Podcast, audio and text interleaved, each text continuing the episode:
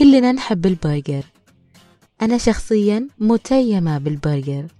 ومن يكره رغيفي الخبز اللينة المطعمة بالسمسم والتي تحتضن بين دفتيها قطعة لحم مبهرة بعناية ومشبعة بكل أنواع المنكهات لتستفز كل حليمات التذوق داخل فمك.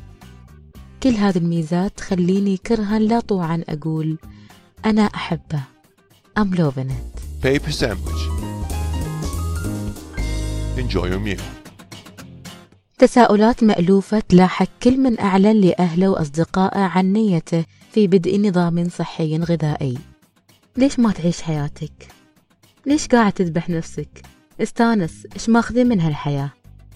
هذا النوع من التساؤلات والجمل خطير صحيح أنه يقال من شخص محب يبي لك الخير لكنه فيروس خطير يستقر في عقلي وعقلك بخبث شديد. ولا ما له مضاد معروف حتى الآن. هذا الفيروس يهيج حساسية في داخلك. حساسية تهدد حماسك لاستكمال مشروعك اللي بديت فيه ويهد حيلك في نص تحقيق أهم أهداف حياتك. نوع من الجمل ما يطلع لك إلا وأنت في عز التمرين في عز المشروع. وفي عز هموم الدراسة. اشتركت في نادي رياضي. بديت أول أسبوعين بمعنويات مرتفعة. هامتك تزاحم السحاب وأدرينالين يتفجر من الحماس. بسبب وبغير سبب. حصل لك هبوط مفاجئ في المعنويات. وما أدري شلون اختفى هالحماس يمكن تعب ويمكن روتين. بس أهم سبب هو ذاك الحوار اللي كان يدور في عقلي. حوار بيني وبين نفسي. حوار كان يشككني في جدوى التمارين الرياضية المرهقة. حوار كان بمثابة معول هدم وتثبيط للأسف. النتيجة؟ بعد ما دفعت رسوم ستة أشهر للنادي آخرتها تمرنت ست أيام بس. ووقفت. والفضل يعود طبعا لذاك الحوار. هالحوار أو الحوارات الداخلية تحصل لك وتحصل لنا كلنا في لحظة توقف مشروعك وتبدأ تتساءل ليش هالتعب كله؟ ليش ما أستمتع بحياتي؟ ليش كل اللي أعرفهم في الانستغرام وسناب شات مستانسين بحياتهم؟ وأنا الوحيد اللي أكرف نفسي ليش أدرس؟ وليش الواجبات والمشاريع الجامعية والحضور كل صباح والقراءة المكثفة وحضور الدورات ليش ما أخذ الحياة ال short cut الطريق المختصر إذا أنت إنسان تفكر وايد بهالطريقة أبشرك. كتاب اليوم موجه لك وكتب لأجلك. المؤلف هو تال بن شهار بروفيسور في جامعة هارفارد. يتزاحم عليه الطلاب لحضور أي كلمة يلقيها في الجامعة. كتاب مختصر مفيد يعرض لك فلسفات مختلفة عن الحياة. هالكتاب مبني على مدرسة علم النفس الإيجابي. كتاب أعتبره بمثابة خارطة طريق يصنف لك طرق البشر أو فلسفاتهم تجاه المتعة والتعاسة. بيجاوبك على سؤال هل أنا استهلكت نفسي في التدريب على حساب المتعة؟ أو أنا اتخذت الطريق السليم يوم قررت وهب نفسي لحياة التدرب والتعلم؟ الكتاب يكاد أن يكون أشبه بالشراع. شراع تتحكم فيه بمهارة لتنجو بسفينتك اللي تتلاعب فيها رياح التفكير القسري والحوار الداخلي. كتاب يعلمك كيف تعيش حياة أكثر فائدة وأكثر متعة في نفس الوقت. أذكر في مرحلة الثانوية واحدة من ربيعاتي كانت تكبرني بسبع سنين تقريبا. كانت قاعدة وياي تحكي لي بكل انفعالية عن أيام دراستها في المرحلة. تخبرني كيف كانت أيامها رتيبة مملة وتعبر عن ندمها على الأيام اللي ضيعتها في الاجتهاد المبالغ فيه. وتخبرني شلون كانت وحدانية وما حد يتذكرها. كانت تحكي لي عن فرص وايد ضيعتها بسبب عزلتها. كانت حريصة جدا وبشكل مبالغ ونصحتني وبشدة وبالحرف الواحد قالت لي استانسي بكل ما أوتيتي من قوة عيشي حياتك. نصيحتها هذه كانت أشبه بصوت جرس الإنذار في عقلي. وكوني شخص أحب أعيش تفاصيل الحياة كل يوم بيومه مسكت معي هالنصيحة وبقوة. ولأني كنت في مرحلة طيش أصلا فهمت نصيحتها بطريقة شوي غلط. لا وايد غلط بصراحة. بخبرك السالفة وعقب أحكم بنفسك. اللي صار أني بمجرد سمعت نصيحتها فهمت أني لازم أستغل كل لحظة لاستراق الملذات. وبالفعل سخرت كل طاقاتي للعب في المدرسة وانتهاز أي فرصة لإشعال زوبعات وحفلات وأحيانا مشاكل. كانت لعبتي هي التمرد على المعلمات وأكثر ما يثير حماستي هو استدعائي للإدارة. كنت أحس بالنصر لاكتشاف متعة الحياة الحقيقية. كان يهمني أعيش اللحظة وأخلي المستقبل على الله. ليش نصيحة نفس هاي ممكن تكون غلطة كبيرة؟ لأني لو بعيش حياتي على كيفي أو خلينا نقول لو اعتنقت هذا المبدأ على عواهنه ومن دون تحديد مقصده ووضع ضوابط له معناته خلاص بيصير منهج حياة منهج البحث عن اللذة أينما كانت. بتصير حياتي متمحورة حول البحث عن المتعة والوناسة فقط. وفي نقطة أخيرة عن نفسي ما بخليها في خاطري. حتى في وقت الامتحانات النهائية كنت أشوف وجوه البنات مصفرة شاحبة من قلة النوم وكثرة المذاكرة. كنت أقول لنفسي ليش هالضغط وليش هالتعب كله؟ أهم شيء على الواحد صحته الذهنية وناسته. كان عندي قانون ينص على التالي. إذا لي خلق المذاكرة ذاكرنا. ما لي خلق نبدأ أول جلسات الاسترخاء مع مسلسلاتي وأفلامي الكوميدية على اليوتيوب وغالبا كل حلقات إعادة. بس وناسة كنت أضحك وأعتقد أني وصلت للفلسفة الصح الفلسفة اللي ما بعدها فلسفة.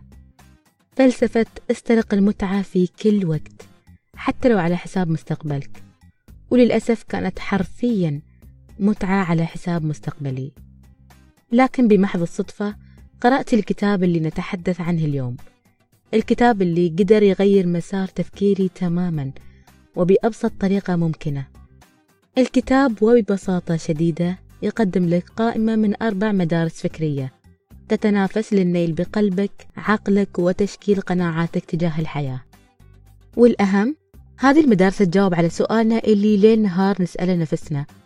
هل الطريقة المثلى للحياة هي الانغماس في التمتع بالحياة؟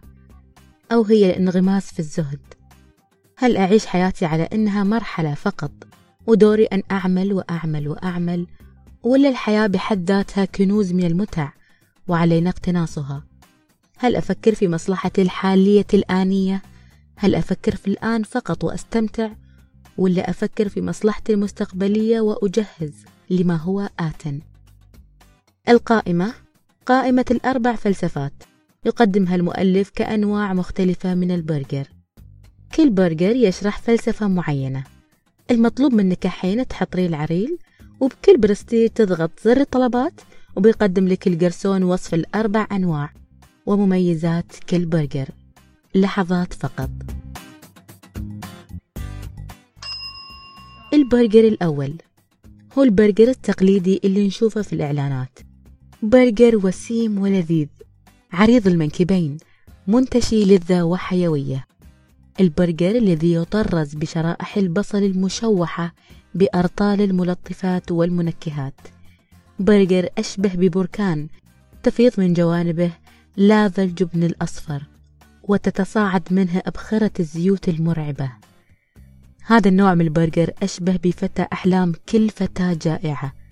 بصراحة تشكيلة المكونات المغرية وتنوعها تخلي هالبرجر هو الأعز على قلبي بين كل الأنواع الأخرى. هالنوع اللي تطلبه وأنت في قمة فرحك وشغفك. لكن بمجرد تنتهي منه تجتاحك نوبة تأنيب ضمير مو طبيعية. وطبعا كله من كمية الدهون والمواد الحافظة اللي أقحمتها في جسدك.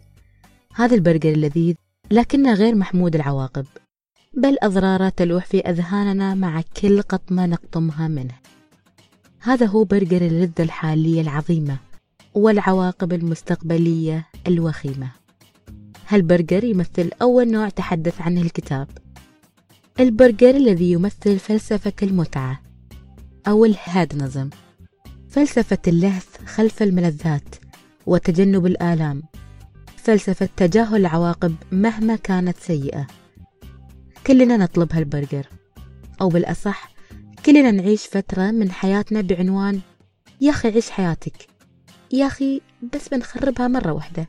اليوم بس ماكو حساب سعرات اليوم free اللي يتبعون نظام صحي عارفين هالمرحلة وعارفين هالشعور.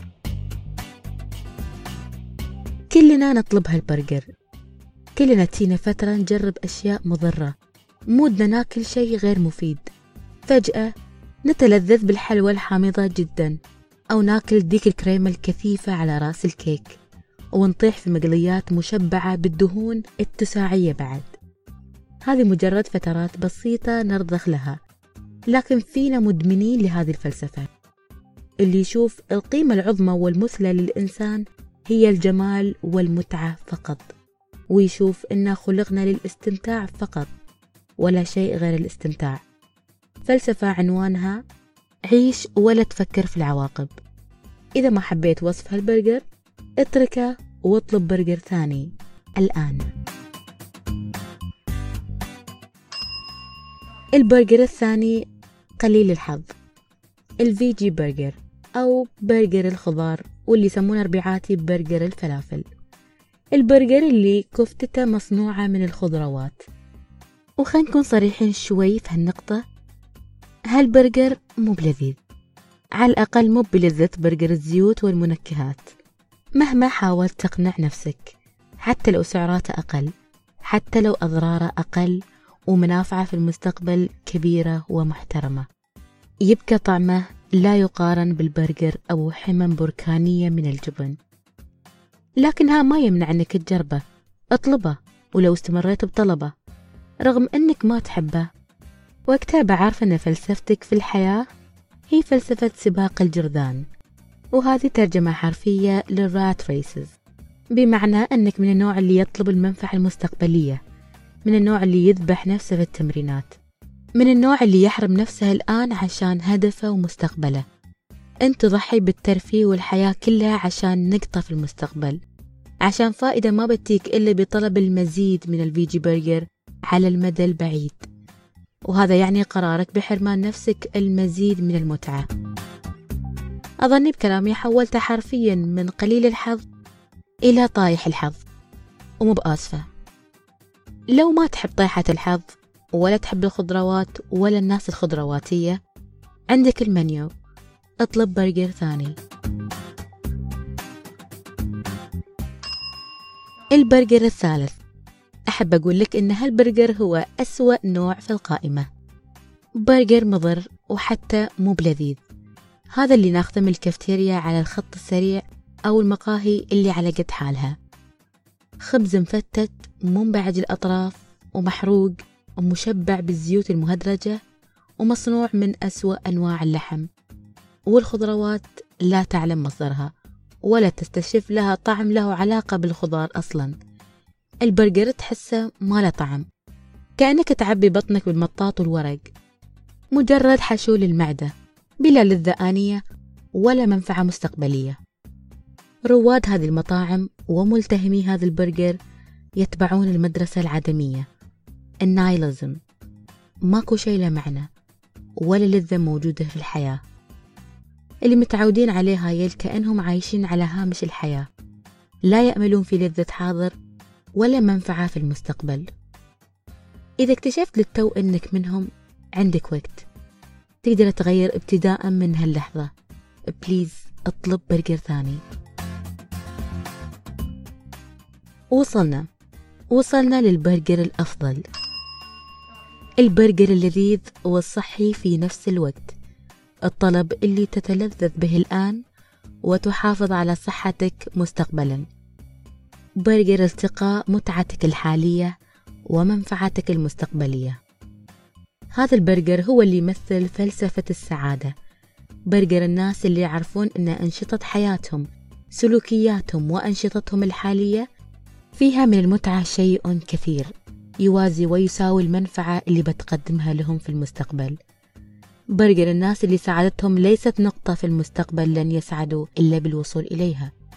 بل رحلتهم هي نفسها سعادتهم وحقل نشاطهم العملي. موديل البرجرات الأربعة يستحق نظرة أعمق وأخذ وعطاء. وخل أقول لك شغلة مهمة. طبيعي يتغير موقعك من مكان لآخر. طبيعي تاخذ لقمة من هالبرجر ولقمة من ذاك. لا تأنب ضميرك إنك كليت برجر كافتيريات طبيعي تجيك أوقات تنكر أي معنى للحياة. تنكر اللذة الحالية والمنفعة المستقبلية. ما تفرق وياك خير شر. ومرة تكون العكس تماما. ما تفكر إلا في لحظتك الحالية تتبع فلسفة السعادة واللذة ولو مؤقتا. تاكل أكل لا يمت بالصحة بأي صلة. وتتابع مسلسلات لا تقدم ولا تؤخر في مستقبلك. تضيع ساعات وساعات. وقد تمتد أيام. عادي بين فترة وفترة ناخذ فلسفة الهادنزم وعادي جدا تلاقي عمرك أحيانا تتطرف في التمرين القاسي وتنكر اللذة الحالية تستعد فقط للمستقبل. طبيعي أن نعيش فترة فوق وفترة تحت لأن بشر نتعرض لضغوطات في الحياة فتؤثر أكيد على نوع البرجر اللي ناكله. نحن بشر تتلقفنا أيدي الهادنزم والرات ريس والنايلزم فهمك لمراحل التخبط الطبيعية وفهمك للثلاث برجرات المتطرفة. هي خطوة أولى للاتجاه نحو البرجر الرابع. برجر السعادة. برجر تحويل حياتك لمزيج من التعلم والمتعة في نفس الوقت. متعة اللحظة الآنية والمنفعة المستقبلية. بتوصل لمعادلة السعادة وتجمع اللذة والمنفعة الحسن والأحسن. شلون أوصل لمعادلة السعادة؟ طلع ورقة وقلم وسجل النشاطات اللي تمتعك الآن وفي نفس الوقت تعود بالفائدة عليك سواء لعقلك لصحتك لذهنك أو لجسدك. مثلا الملاكمة بالنسبة لي من أحب الرياضات إلى قلبي. أشعر بمتعة آنية حينما أحكم قبضتي وأسددها بكل قوة. أحس وقتها كأني حكمت العالم وتتبدد كل مخاوفي. وكذلك منفعة مستقبلية. كونها رياضة ومعروف أثر الرياضة على الصحة. الآن ومستقبلا. بالضبط نفس البرجر الصحي. فكر شو النشاطات اللي تسعدك وتفيدك في نفس الوقت وسجلها في دفترك الخاص. زيد من وقتها وزيد ال frequency الخاص بها في جدولك الأسبوعي. double جرعات الأنشطة البناءة ال constructive. خصص وقت للتفكير وبتلقى وايد شغلات كانت مغطاة أو مظللة البس عدسات الملاحظة ودون وبتكتشف أن الحياة مو بس شعار أنا أحبه بل شعار أنا أحبه وأنا بستفيد منه